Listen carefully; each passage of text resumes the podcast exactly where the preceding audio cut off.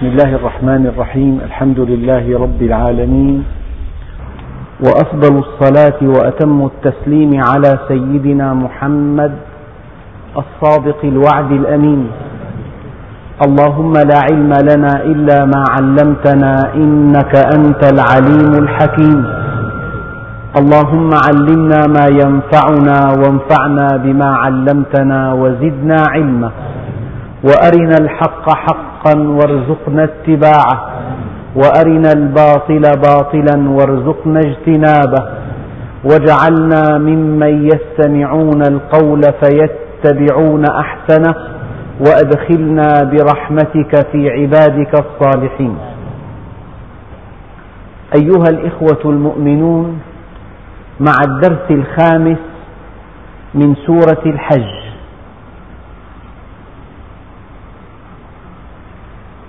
وصلنا في الدرس الماضي إلى قوله تعالى بسم الله الرحمن الرحيم.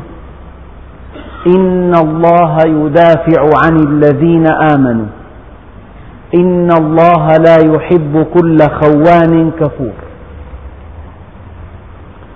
أذن للذين يقاتلون بأنهم ظلموا وأن الله على نصرهم لقدير. الذين أخرجوا من ديارهم بغير حق إلا أن يقولوا ربنا الله ولولا دفع الله الناس بعضهم ببعض لهدمت صوامع وبيع وصلوات ومساجد يذكر فيها اسم الله كثيرا ولينصرن الله من ينصره إن الله لقوي عزيز يؤكد بعض العلماء أن هذه الآيات هي الآيات التي أذن الله فيها أول مرة للمؤمنين بالقتال. ذلك أن الحق لا بد من أن تدعمه قوة وأن الحق من دون قوة مستباح وأن أهل الباطل منذ القدم يكيدون للحق وأن هناك صراعا دائما بين الإيمان والكفر بين الحق والباطل. لذلك في هذه الآيات يذكر الله فيها سبحانه وتعالى أن الذين آمنوا قد ظلموا وأنهم عليهم أن يأخذوا حقهم وأن يحافظوا على هذا الحق. ولكن لماذا لا يتولى الله سبحانه وتعالى الدفاع عنهم؟ ولماذا لا يعفيهم من مؤونة القتال؟ لماذا؟ هذا السؤال الأول. الله سبحانه وتعالى من دون شك قادر على أن يقدم النصر للمؤمنين على طبق من ذهب من دون عناء ولا تعب ولا جهد ولا مشقة. ولكن هذا النصر الذي يقدم من دون جهد لا قيمة له ولا يرقى بهم ولا يتيح لهم أن يسعدوا في الجنة التي وعدهم الله بها. الله سبحانه وتعالى وعدهم بالنصر بشرط أن يكون القتال من طريقهم. وعدهم بالنصر بشرط أن يكون النصر عن طريقهم. لذلك كان التمهيد بقوله تعالى إن الله يدافع عن الذين آمنوا. يعني إن الله خالق الكون. واجب الوجود الأبدي السرمدي القوي القهار العزيز الجبار هذا الإله العظيم الذي خلق كل شيء والذي خلق الكون فقال له كن فيكون هو نفسه يدافع عن الذين آمنوا ولم يقل يدفع بل يدافع لأن دافع مصدرها المدافعة والمدافعة أبلغ من الدفاع دفع دفعا ودافع مدافعة. فإن الله يدافع عن الذين آمنوا. ولا يعرف معنى هذه الآية إلا المؤمن لأنه من خلال تجاربه اليومية يرى رأي العين كيف أن الله سبحانه وتعالى يدافع عنه.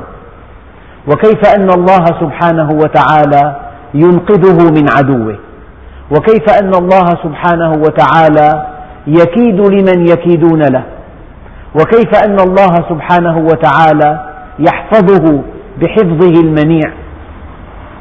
هذا المعنى لا يتذوقه إلا المؤمن. إن الله يدافع عن الذين آمنوا. لماذا؟ قال بعض العلماء هذه الآيات توطئة وتمهيد لآيات القتال. إن الله يدافع عنكم. إن الله لا يحب كل خوان كفور. لماذا يدافع الله عن المؤمنين؟ قال لأنه يحبهم. ولماذا يكيد للكافرين لأنه لا يحبهم؟ إن الله لا يحب أعداء المؤمنين. من هم أعداء المؤمنين؟ هم الكافرون. لماذا لا يحبهم الله عز وجل؟ لأنهم خائنون كافرون. خانوا ماذا؟ خانوا أمانة التكليف. إنا عرضنا الأمانة على السماوات والأرض والجبال فأبين أن يحملنها وأشفقن منها وحملها الإنسان. الإنسان حمل الأمانة فإما أن يفي بعهده وإما أن يخون الأمانة. فالله سبحانه وتعالى لا يحب كل خوان. لم يقل كل خائن لأن الذي ينسى الأمانة ولا يقوم بحقها ليس خائنا فحسب بل هو خوان. يعني كثير الخيانة. هذه الأمانة نفسك التي أودعها الله بين جنبيك. نفسك التي أوكلك الله بتزكيتها. هذه أهملتها وتبعت الشهوات. فلذلك الإنسان حينما يتخلى عن أمانته التي عهد الله بها إليه فهذا ليس خيانة فحسب بل, هي بل هو أشد أنواع الخيانة. سماه الله سبحانه وتعالى خوان يعني كثير الخيانة. إن الله لا يحب كل خوان كفور. الخوان هو الذي خان الأمانة التي من أجلها جاء الله به إلى الدنيا. لماذا أنت هنا على وجه الأرض؟ سؤال كبير. لماذا أنت هنا في الأرض؟ لأنك حملت الأمانة في الأزل. ولأنك قبلت حمل الأمانة. وقلت لربك أنا لها يا رب. ولقد عهدنا. آه، آه، الآية الكريمة وإذ أخذ ربك من بني آدم من ظهورهم ذريتهم وأشهدهم على أنفسهم. ألست بربكم؟ قالوا بلى. فالأمانة أنك جئت إلى الدنيا ووضعت نفسك بين يديك أمانة كي تزكيها. ولا تتزكى النفس إلا إذا عرفتها بربها وإلا إذا استقمت على أمره وأقبلت عليه فطهرت نفسك من أدرانها. فلذلك إن الله يدافع عن الذين آمنوا إن الله لا يحب كل خوان كفور. إن الله يدافع عن الذين آمنوا لأنه يحبهم. ولماذا يحبهم؟ لأنهم أدوا الأمانة. ولأنهم شكروا النعمة.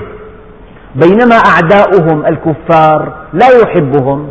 لماذا لا يحبهم؟ لأنهم خانوا الأمانة وكفروا النعمة. وهاتان صفتان أساسيتان من صفات الكفر. خيانة الأمانة وجحود النعمة. إن الله لا يحب كل خوان كفور. لذلك قال بعضهم كفاك على عدوك نصرا أنه في معصية الله. وكفاك شرفا أنك مؤمن به.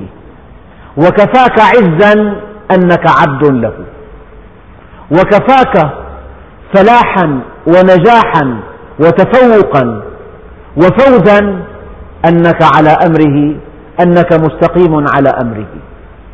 إن الله يدافع عن الذين آمنوا. إن الله لا يحب كل خوان كفور. ألا يطمح أحدنا أن تكون له هذه الخصيصة؟ ألا يطمح الإنسان أن الخالق العظيم يدافع عنه؟ ألا ترون أهل الدنيا أنهم إذا أقاموا علاقة مع شخص مهم تراهم يتيهون بهذه العلاقة ويفخرون بها؟ وقد لا تسعهم عقولهم. يعرضون عليك الصورة التي آه، اجتمعوا فيها معهم في طعام العشاء. يقول لك فلان كنت معه. ألا ترى أن خالق الكون أن الله جل وعلا هو يدافع عنك؟ أليس هذا شرفا عظيما لك أيها المؤمن؟ أتبتغي عند الآخرين العزة؟ أتبتغي عند أهل الدنيا العزة؟ ابتغي عند الله العزة. الله سبحانه وتعالى رفعك فلا تخفض نفسك. الله أعزك فلا تذل نفسك. الله كفاك فلا تنظر إلى سواه إن الله يدافع عن الذين آمنوا. يعني هذه الآية لها معنى. قد تدركه عقولنا. ولكن هذه الآية لها معاناة. فمن كان مؤمنا حقا وكان يدعو الله حقا في سره وجهره وقد رأى من مدافعة الله عنه الشيء الكثير عندئذ يعرف معنى هذه الآية ويعيش هذا المعنى. أن تعيش المعنى أبلغ من أن تفهمه. إن الله يدافع عن الذين آمنوا. كن مؤمنا والله سبحانه وتعالى يتولى الدفاع عنك. الإنسان العادي أحيانا يشعر بغبطة وبطمأنينة لا حدود لها إذا وكل محاميا لامعا في قضية شائكة. يقول لك أنا محامي فلان وهو من ألمع المحامين وله صلات وثيقة مع القضاة واجتهاده لا يخطئ وله شخصية قوية وله هيبة في قصر العدل وقد وكلته وأنا مطمئن. فما قولك إذا كان الذي يتولى الدفاع عنك هو الله سبحانه وتعالى؟ إن الله يدافع عن الذين آمنوا. لأنه يحبهم. لأنهم يحبونه وهو يحبهم. لأنهم حملوا الأمانة. ولأنهم شكروا النعمة. بينما أعداؤهم الكفار خانوا الأمانة وكفروا النعمة. فإذا كادوا للمؤمنين فالله سبحانه وتعالى يتولى الدفاع عنهم. إن الله يدافع عن الذين آمنوا. كن مؤمنا واحظى بهذا الشرف العظيم. كن مؤمنا ونم مطمئنا هادئ البال. فلن تستطيع جهة على وجه الأرض أن تنالك بالأذى لأن الله يدافع عنك. كن مطمئنا ولا تخشى إلا الله. كن مطمئنا وكن مؤمنا ولا تأخذك في, غير في الله لومة لائم. إن الله يدافع عن الذين آمنوا. كفى المؤمنين فخرا هذه الآية. يعني إذا أردت أن تكون أقوى الناس فتوكل على الله. هو أهل أن تتوكل عليه. إن الله لا يحب كل خوان كفور. أذن من الذي أذن؟ الله سبحانه وتعالى. أحيانا لا يذكر الفاعل تعظيما له. أذن خلق الإنسان من خلقه؟ الله سبحانه وتعالى. الفاعل قد لا نذكره لشدة عظمته. أو لأنه معروف لدى كل الناس. هل من خالق إلا الله؟ إذا قلنا خلق الإنسان لأنه معروف. لأنه أعظم من أن يذكر. أو أجل من أن يذكر. أذن للذين يقاتلون. الحديث كان قبل قليل عن المؤمنين. إن الله يدافع عن الذين آمنوا. يعني ربما يقول قائل لم لم يقل الله عز وجل؟ أذن للذين آمنوا أن يقاتلوا. فربنا عز وجل من إعجاز القرآن الإيجاز. فبدل كلمة المؤمنين بدل بكلمة المؤمنين كلمة الذين يقاتلون. واستنبط العلماء من أن الذي يقاتل يحق له أن يقاتل إذا كان قد قوتل لذلك لا ينبغي أن تبدأ أنت بالقتال البادئ هو الظالم. إذا قتلت طبعا الخطاب موجه إلى النبي الكريم وأصحابه الذين ذاقوا من بأس قريش ومن التضييق والشدة والتعذيب الشيء الكثير. لذلك يقول الله عز وجل أذن للذين يقاتلون بفتح التاء. يعني هم قوتلوا بأنهم ظلموا. إذا هناك شرطان لا ينبغي للمسلمين لا ينبغي للمسلمين على مستوى الأمة الإسلامية أن تقاتل أعداءها إلا إذا بدأوها بالقتال. وكانوا بهذا القتال ظالمين. شرطان. أما أن تعتدي على غيرها عندئذ لا تنصر. يجب أن تبدأ بالقتال من قبل أعدائها أولا. ويجب أن يكون هذا العدوان ظالما. عندئذ أذن لها أن ترد الصاع صاعين. يأتي عدو غاصب دخيل يأخذ الأرض ويبيح المحرمات ويشرد السكان ويبقى المسلمون صامتين؟ لا. أذن للذين يقاتلون بأنهم ظلموا. وهذه الباء يعني سبب مشروعية القتال أنهم ظلموا. وأن الله على نصرهم لقدير. طيب لم يقل الله عز وجل وأن الله سينصرهم؟ لا هذه أبلغ. لأن إحراز النصر للمؤمنين شيء هين على الله عز وجل شيء يعني سهل جدا على الله عز وجل. وإن الله على نصرهم لقدير. قد يقول لك قائل القضية سهلة جدا أنا بإمكاني أن أفعلها. قد لا يقول لك سأفعلها لك.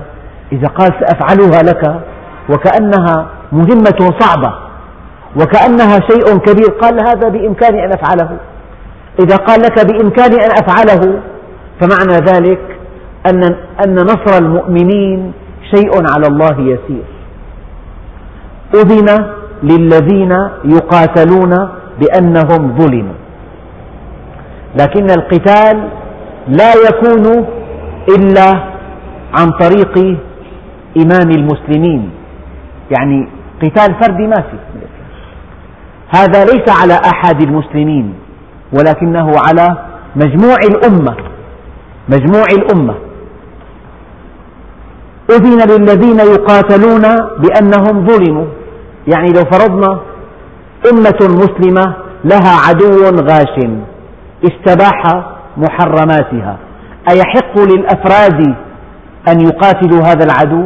لا، لا بد من أن يكون القتال على مستوى الأمة، لا بد من أن يكون على مستوى الجماعة المؤمنة التي تتمثل في أميرها. أذن للذين يقاتلون بأنهم ظلموا وأن الله على نصرهم لقدير. ما هو هذا الظلم؟ ما بيان هذا الظلم الذين أخرجوا من ديارهم بغير حق. الإنسان قد ينفى من دياره لفاحشة ارتكبها وقد ينفى من دياره لجريمة آه، فعلها. أما أن يخرج من دياره بلا سبب أن يشرد الإنسان من أرضه ومن بيته بلا سبب هذا هو الظلم الكبير. لذلك الإنسان حينما يدافع عن أرضه هذا دفاع مشروع. حينما يدافع عن أرض سلبت منه هذا دفاع مشروع. أذن الذين أخرجوا من ديارهم بغير حق. فالمؤمنون الأوائل ذهب بعضهم إلى الحبشة وذهب الآخرون إلى المدينة. إنهم قد أخرجوا. طيب من أمرهم بالخروج؟ كفار مكة لم يأمروهم بالخروج ولكن ضيقوا عليهم وضيقوا عليهم وشددوا عليهم حتى حملوهم على الخروج. آذوهم وضيقوا عليهم وقاطعوهم ونكلوا بهم وعذبوهم حتى حملوهم على الخروج. الذين أخرجوا من ديارهم بغير حق إلا أن يقولوا ربنا الله يعني ذنبهم الوحيد أنهم قالوا ربنا الله. وهذا الذي يتحمل المتاعب لأنه يقول ربي الله هو إنسان عند الله عظيم وهو إنسان له عند الله أجر كبير. الذين أخرجوا من ديارهم بغير حق إلا أن يقولوا ربنا الله ولولا دفع الله الناس بعضهم ببعض. لولا أن الله سبحانه وتعالى شرع للمؤمنين الجهاد لجاء أعداؤهم من غير ملة فاستباحوا أرضهم وشردوهم منها وهدموا معابدهم ونكلوا بهم. إذا لا بد للحق من قوة تحميه. من هنا شرع الجهاد في سبيل الله.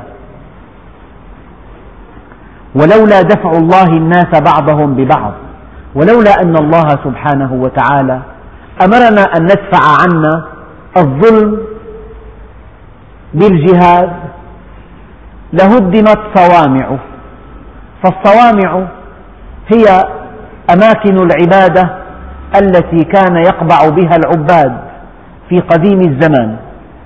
والبيع كنائس النصارى والصلوات كنس اليهود والمساجد دور عبادة المسلمين. هكذا جاء في بعض التفاسير. على كل الصوامع والبيع والصلوات والمساجد كلها تمثل دور العبادة التي يعبد فيها الله سبحانه وتعالى وفيها يذكر. فلولا مشروعية الجهاد طبعا جاء المغول والتتر في العصور الوسطى واكتسحوا بلاد المسلمين. لولا مشروعية الجهاد لفقدنا هذا الدين الحنيف ولكن الجهاد بالجهاد رددناهم. سيدنا صلاح الدين لولا مشروعية الجهاد لكان الإفرنج يعيثون في هذه الأرض الفساد.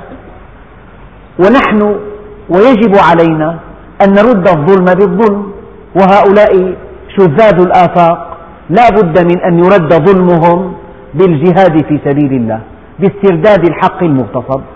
لذلك ولولا دفع الله الناس بعضهم ببعض لهدمت صوامع وبيع وصلوات ومساجد يذكر فيها اسم الله كثيرا. هذه الآية واسعة جدا.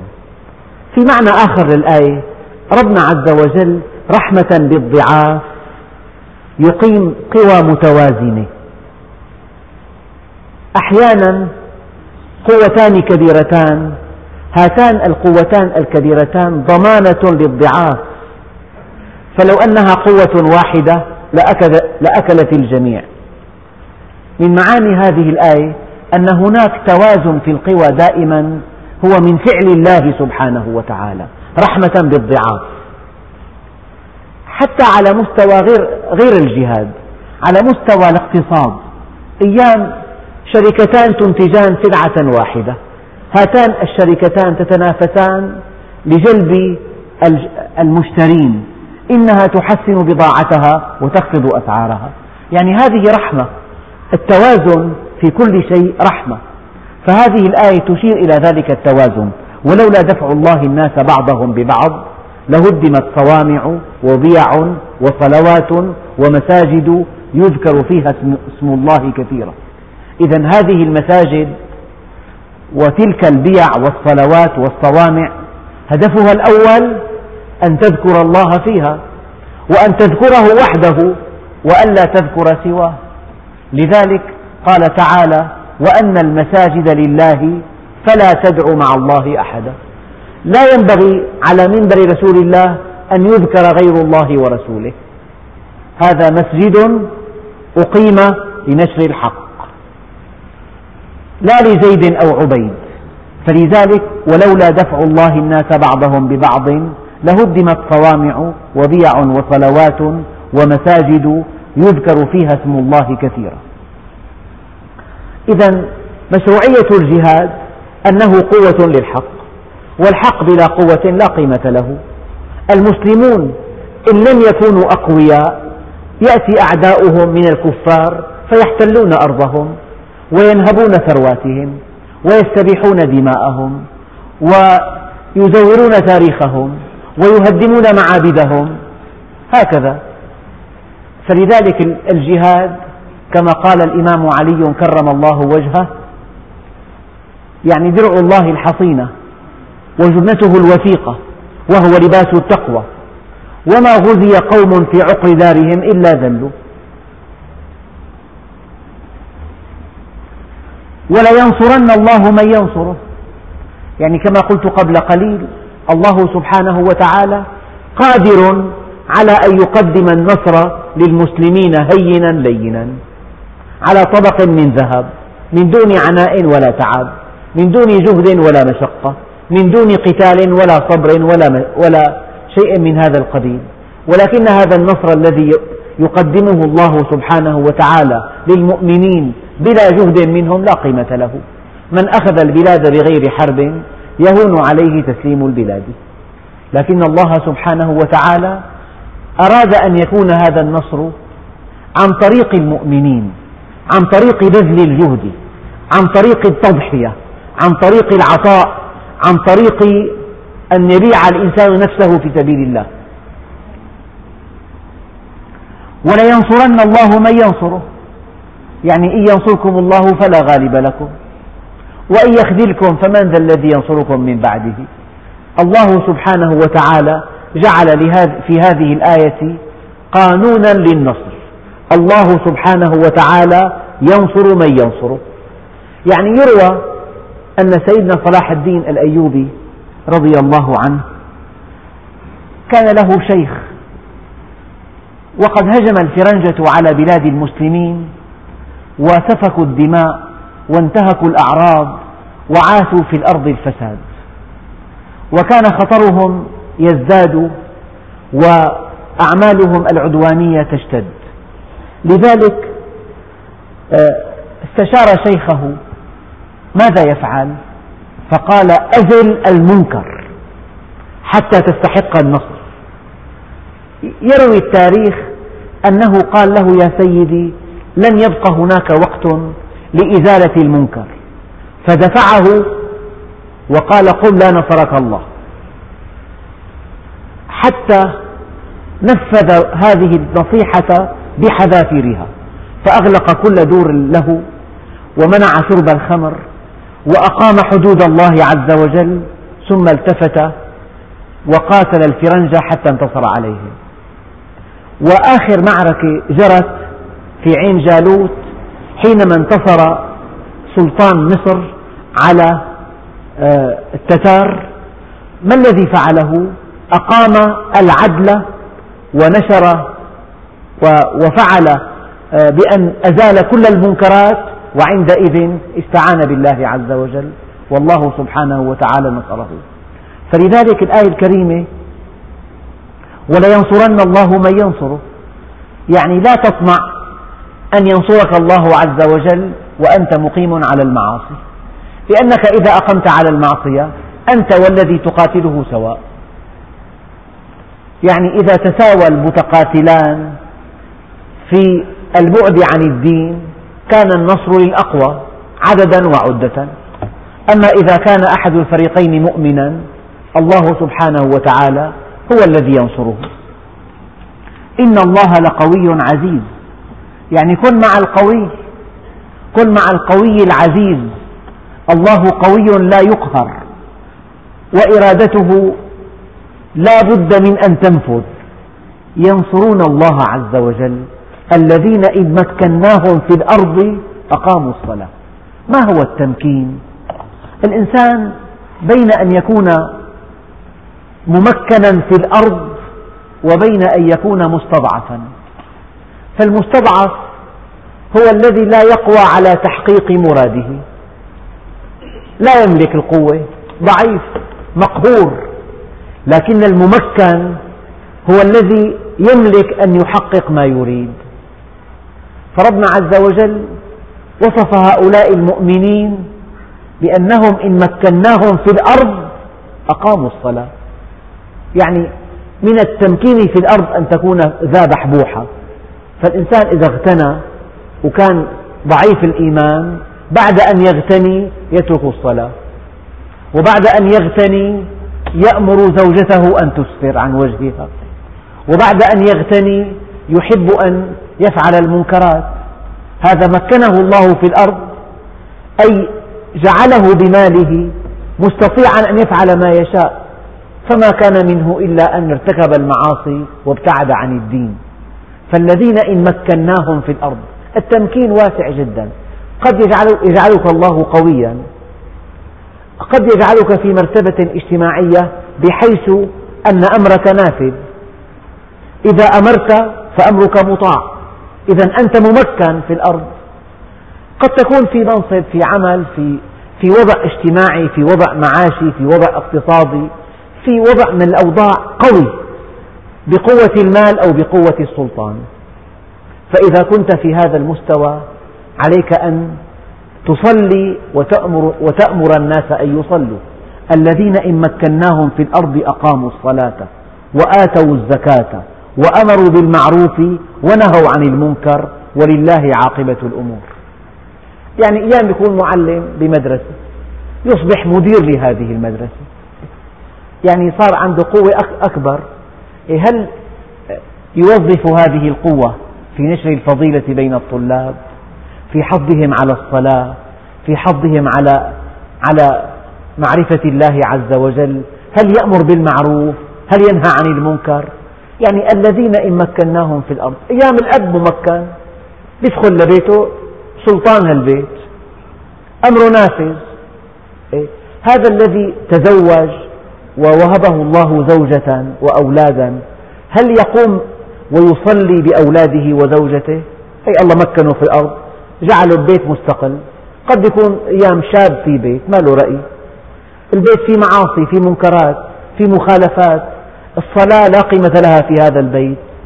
إذا صلى يستهزأ به. نقول هذا الشاب غير ممكن. فإذا تزوج هذا الشاب وصار له بيت مستقل وله زوجة وأولاد هذا الله قد مكن له في الأرض. أتراه يصلي؟ أيأمر هذه الزوجة أن تصلي؟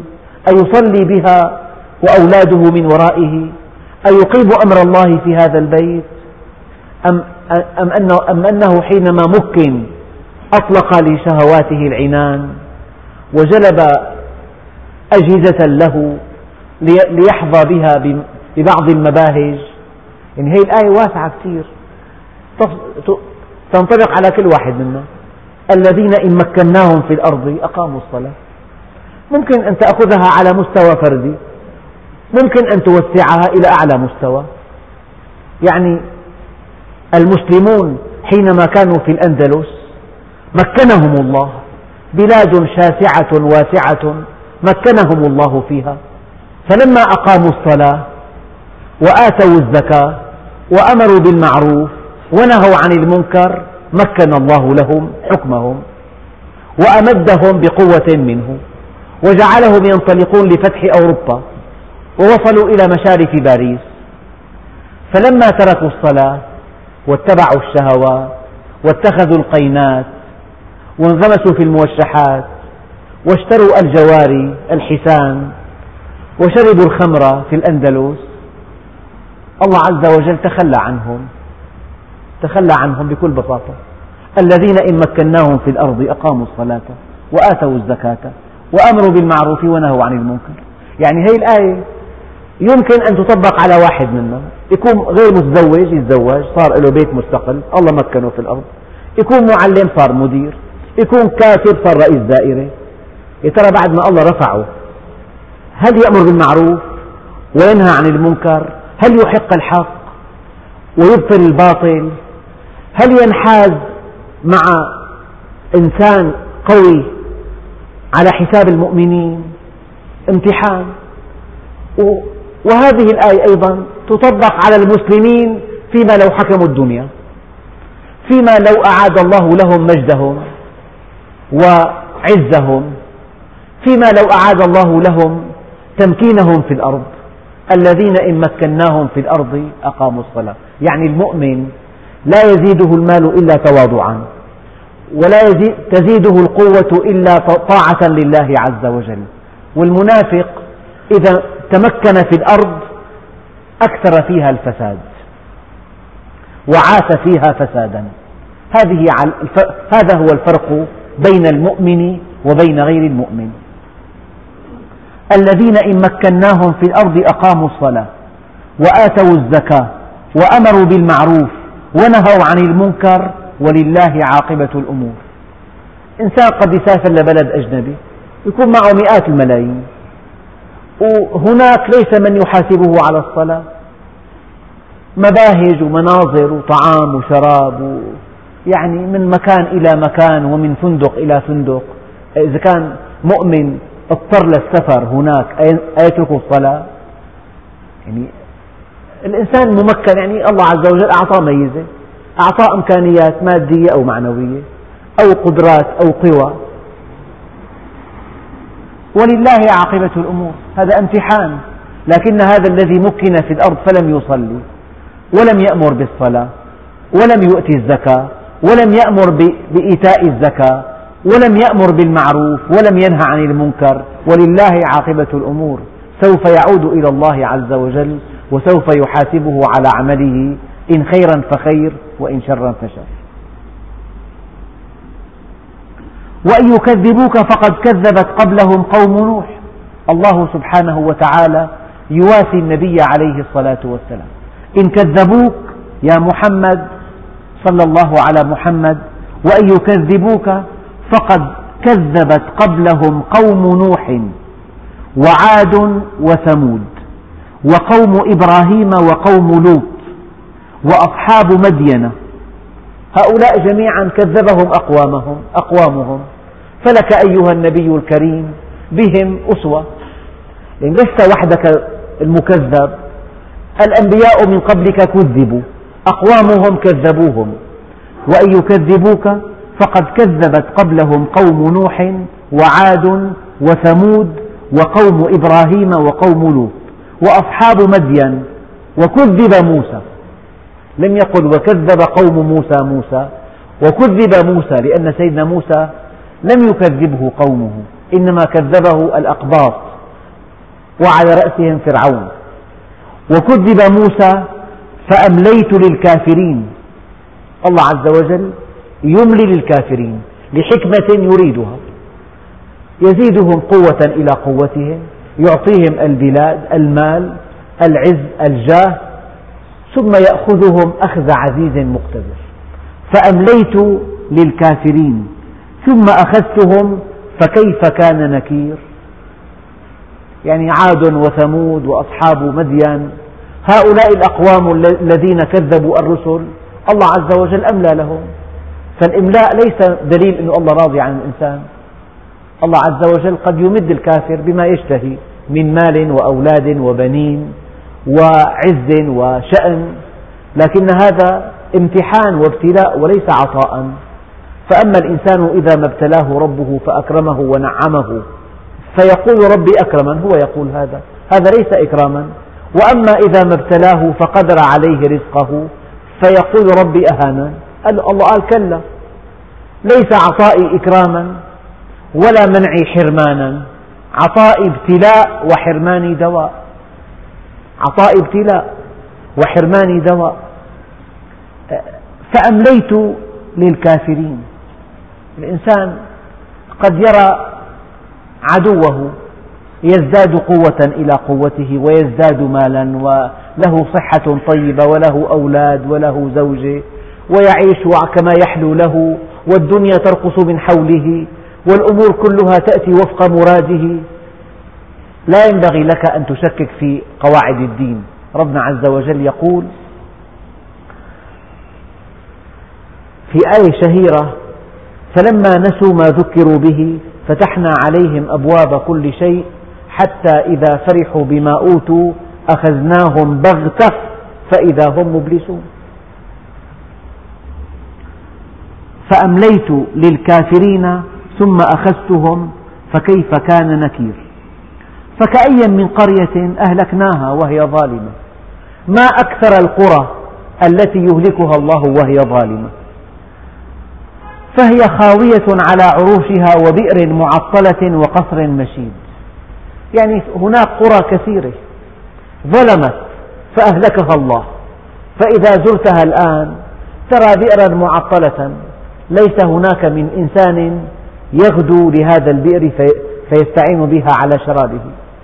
وقصر مشيد قصر مهجور وبئر معطلة. صورة من صور إهلاك القرى. بئر معطلة والبئر مرفق حيوي جدا. لو في أشخاص يقيمون في هذه القرية لكان هذا البئر يعمل ليلا نهارا. بئر معطلة وقصر مشيد ولكن مقره ولكن الأشباح وحدهم يسكنونه. يعني بيت كبير كما زار البحتري إيوان قصرى وصفه. وصف بليغ. فلذلك ربنا عز وجل أعطانا صورة بلاغية كيف أن هذه القرية الظالمة التي أهلكها الله عز وجل لا ترى فيها إلا بئرا معطلة وقصرا مشيدا. هذا معنى. في معنى آخر أن البئر وهي مرفق حيوي أساسي للناس معطل. يعني أناس يعيشون حياة تفوق حد الخيال في البذخ وأناس لا يجدون شربة ماء يشربونها. إن هذا الظلم الاجتماعي يؤدي إلى هلاك هذه القرية. هذا المعنى الثاني. على كل فكأي من قرية أهلكناها وهي ظالمة. فهي خاوية على عروشها. معنى خاوية على عروشها. عرش البيت سقفه. فالسقف إذا تهدم وتهدمت فوقه الجدران نقول هذه هذه الدار خاوية على عروشها. يعني سقفها في الأرض وحيطانها فوق السقف. يعني رمز من رموز التدمير. فهي خاوية على عروشها وبئر معطلة وقصر مشيد. أفلم يسيروا في الأرض فتكون لهم قلوب يعقلون بها أو آذان يسمعون بها فإنها لا تعمى الأبصار ولكن تعمى القلوب التي في الصدور. يعني هؤلاء الذين هؤلاء الكفار كفار قريش وأي كفار آخرون؟ ألم تكن لهم قلوب يعقلون بها؟ يعني الله عز وجل أعطى الإنسان قوة إدراكية كبيرة جدا. أعطاه فكر يفكر به أعطاه قلب يعقل به أعطاه أذن يسمع بها أعطاه عين يبصر بها. ألم تبصر عينه؟ ما حل بهؤلاء الظالمين من عاد وثمود وأصحاب مدين وقوم آه، وقوم نوح وقوم سيدنا موسى. ألم يرى بعينه ما حل بهم؟ ألم يرى آثارهم؟ ألم يرى ديارهم؟ ألم يرى أهراماتهم ألم يرى حماماتهم مدارجهم يعني الرومان. كانوا في هذه البلاد مقيمين. انظر إلى مدرجاتهم إلى إلى مدنهم إلى آثارهم إلى أبنيتهم. فربنا عز وجل قال أولا أفلم يسيروا في الأرض فتكون لهم قلوب يعقلون بها أو آذان يسمعون بها فإنها لا تعمى الأبصار ولكن تعمى القلوب التي في الصدور. الكافر له عينان واسعتان جميلتان زرقاوان أحيانا يقول لك له عيون جميلة جدا ومع ذلك فهو أعمى عند الله. لأنه لم يرى الحقيقة القلب يرى الحقيقة فهذه العين لا قيمة لها. إنها ترى مظاهر الأشياء ترى صورها ولكن القلب هو الذي يعقل.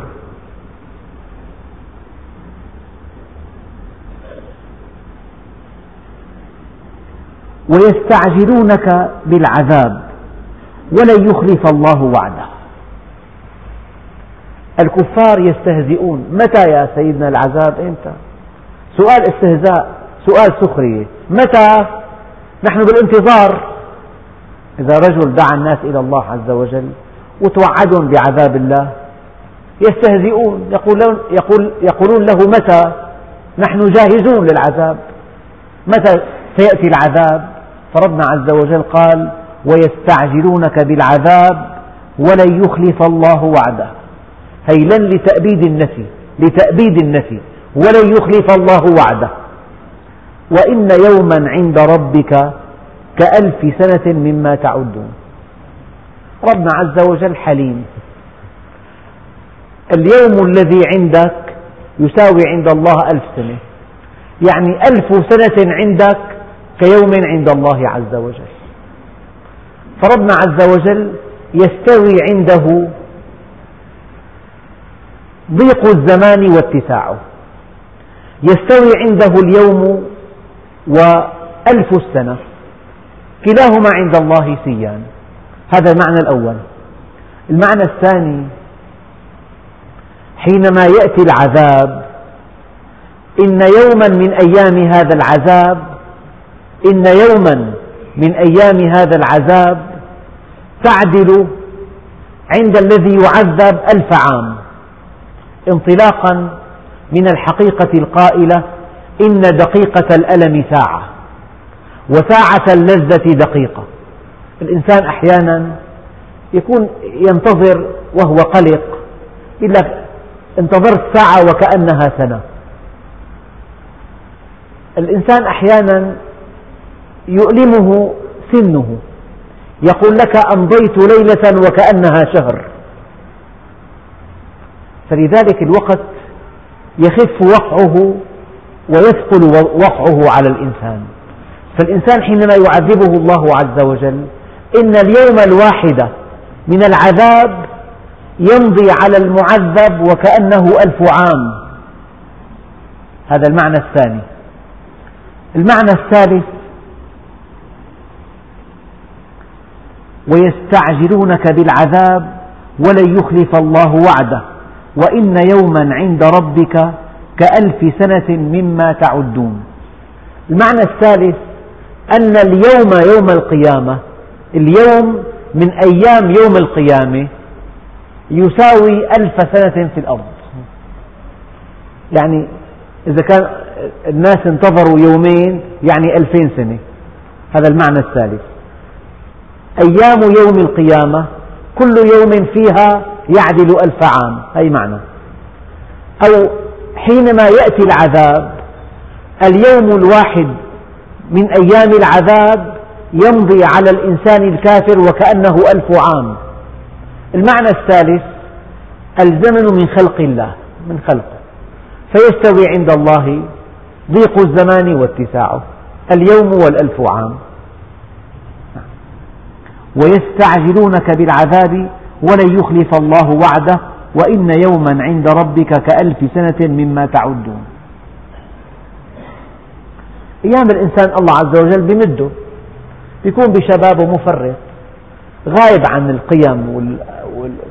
وكتاب الله عز وجل لكن بتمضى عشرين ساعته جامح ثلاثين منغمس الشهوات بالأربعين معتز بقوته بالخمسين بالستين بتلاقي صار معه مجموعة أمراض تلاقي صار معتدل.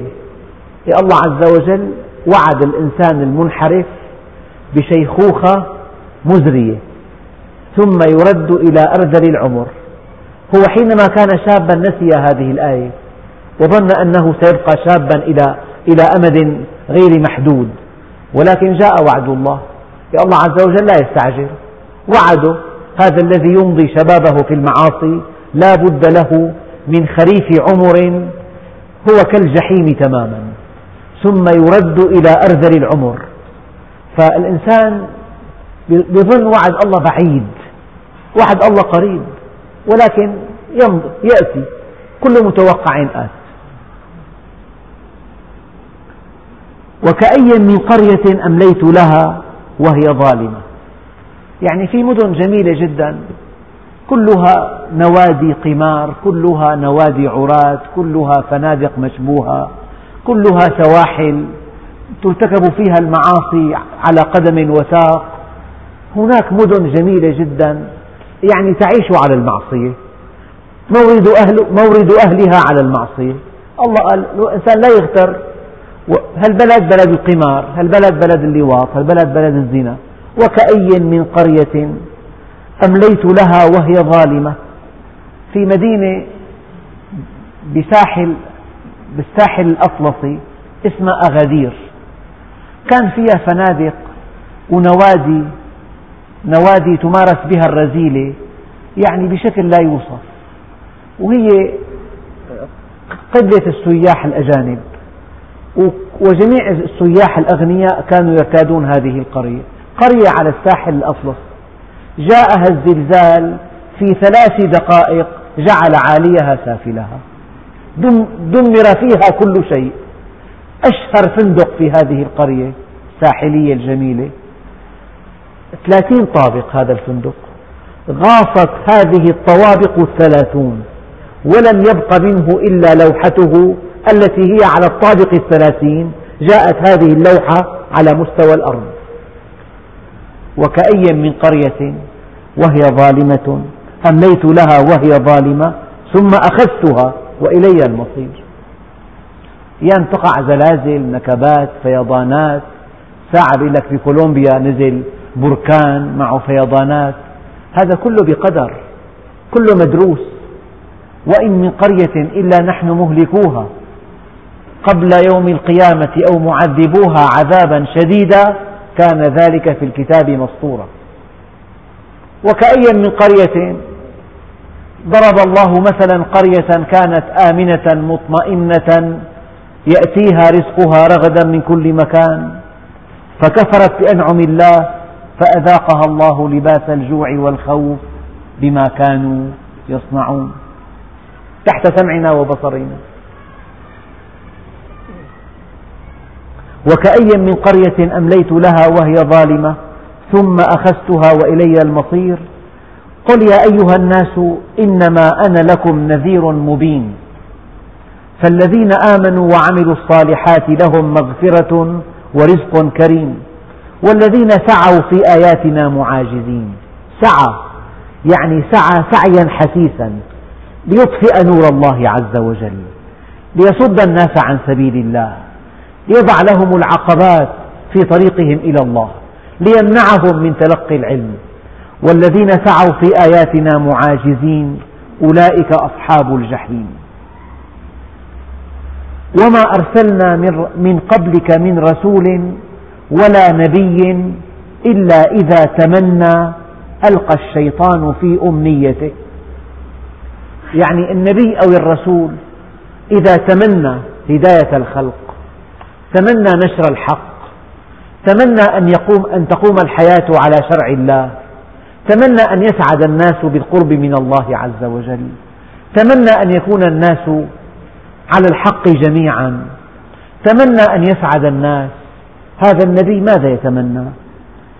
يتمنى الخير. يتمنى أن يؤمن الناس بربهم. يتمنى أن يسعدوا بالقرب منه. يتمنى أن يدخل الناس الجنة. يتمنى أن ينتشر الحق سريعا. وما أرسلنا من قبلك من رسول ولا نبي إلا إذا تمنى. يأتي الشيطان فيلقي في أمنيته بعض الشبه وبعض الأفكار التي تصد الناس عن سبيل الله. يلقي الشيطان في أمنيته أن يضل الناس. النبي ألقى في أمنيته أن يهديهم والشيطان ألقى في أمنيته أن يضلهم. النبي ألقى في أمنيته أن يسعدهم والشيطان ألقى في أمنيته أن يشقيهم.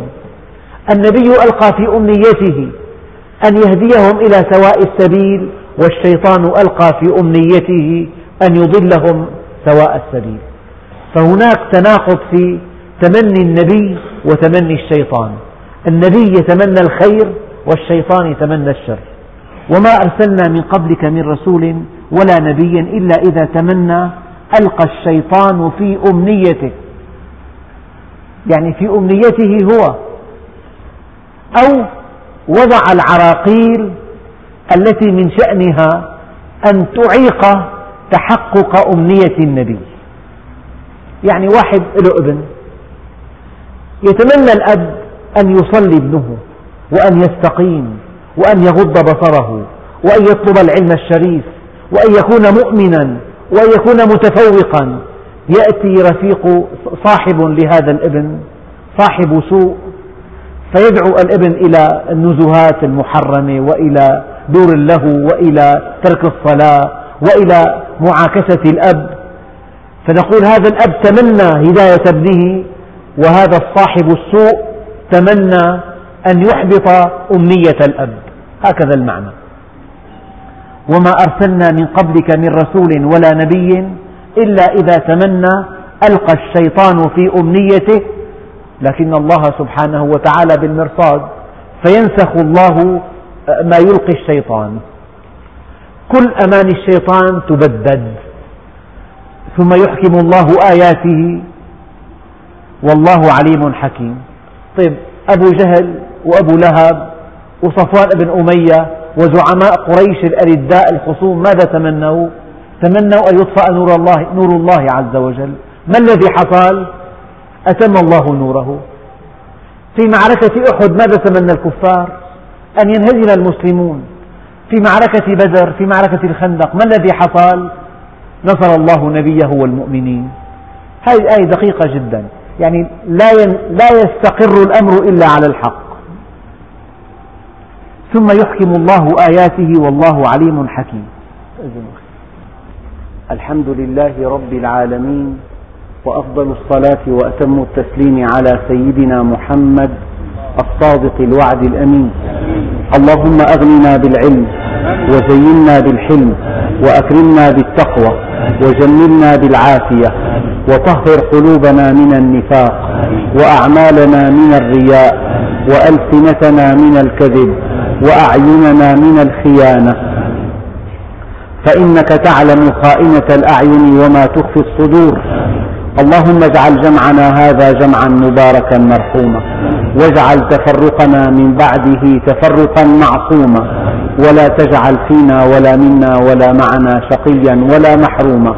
وصلى الله على سيدنا محمد النبي الأمي وعلى آله وصحبه وسلم. والحمد لله رب العالمين الفاتحة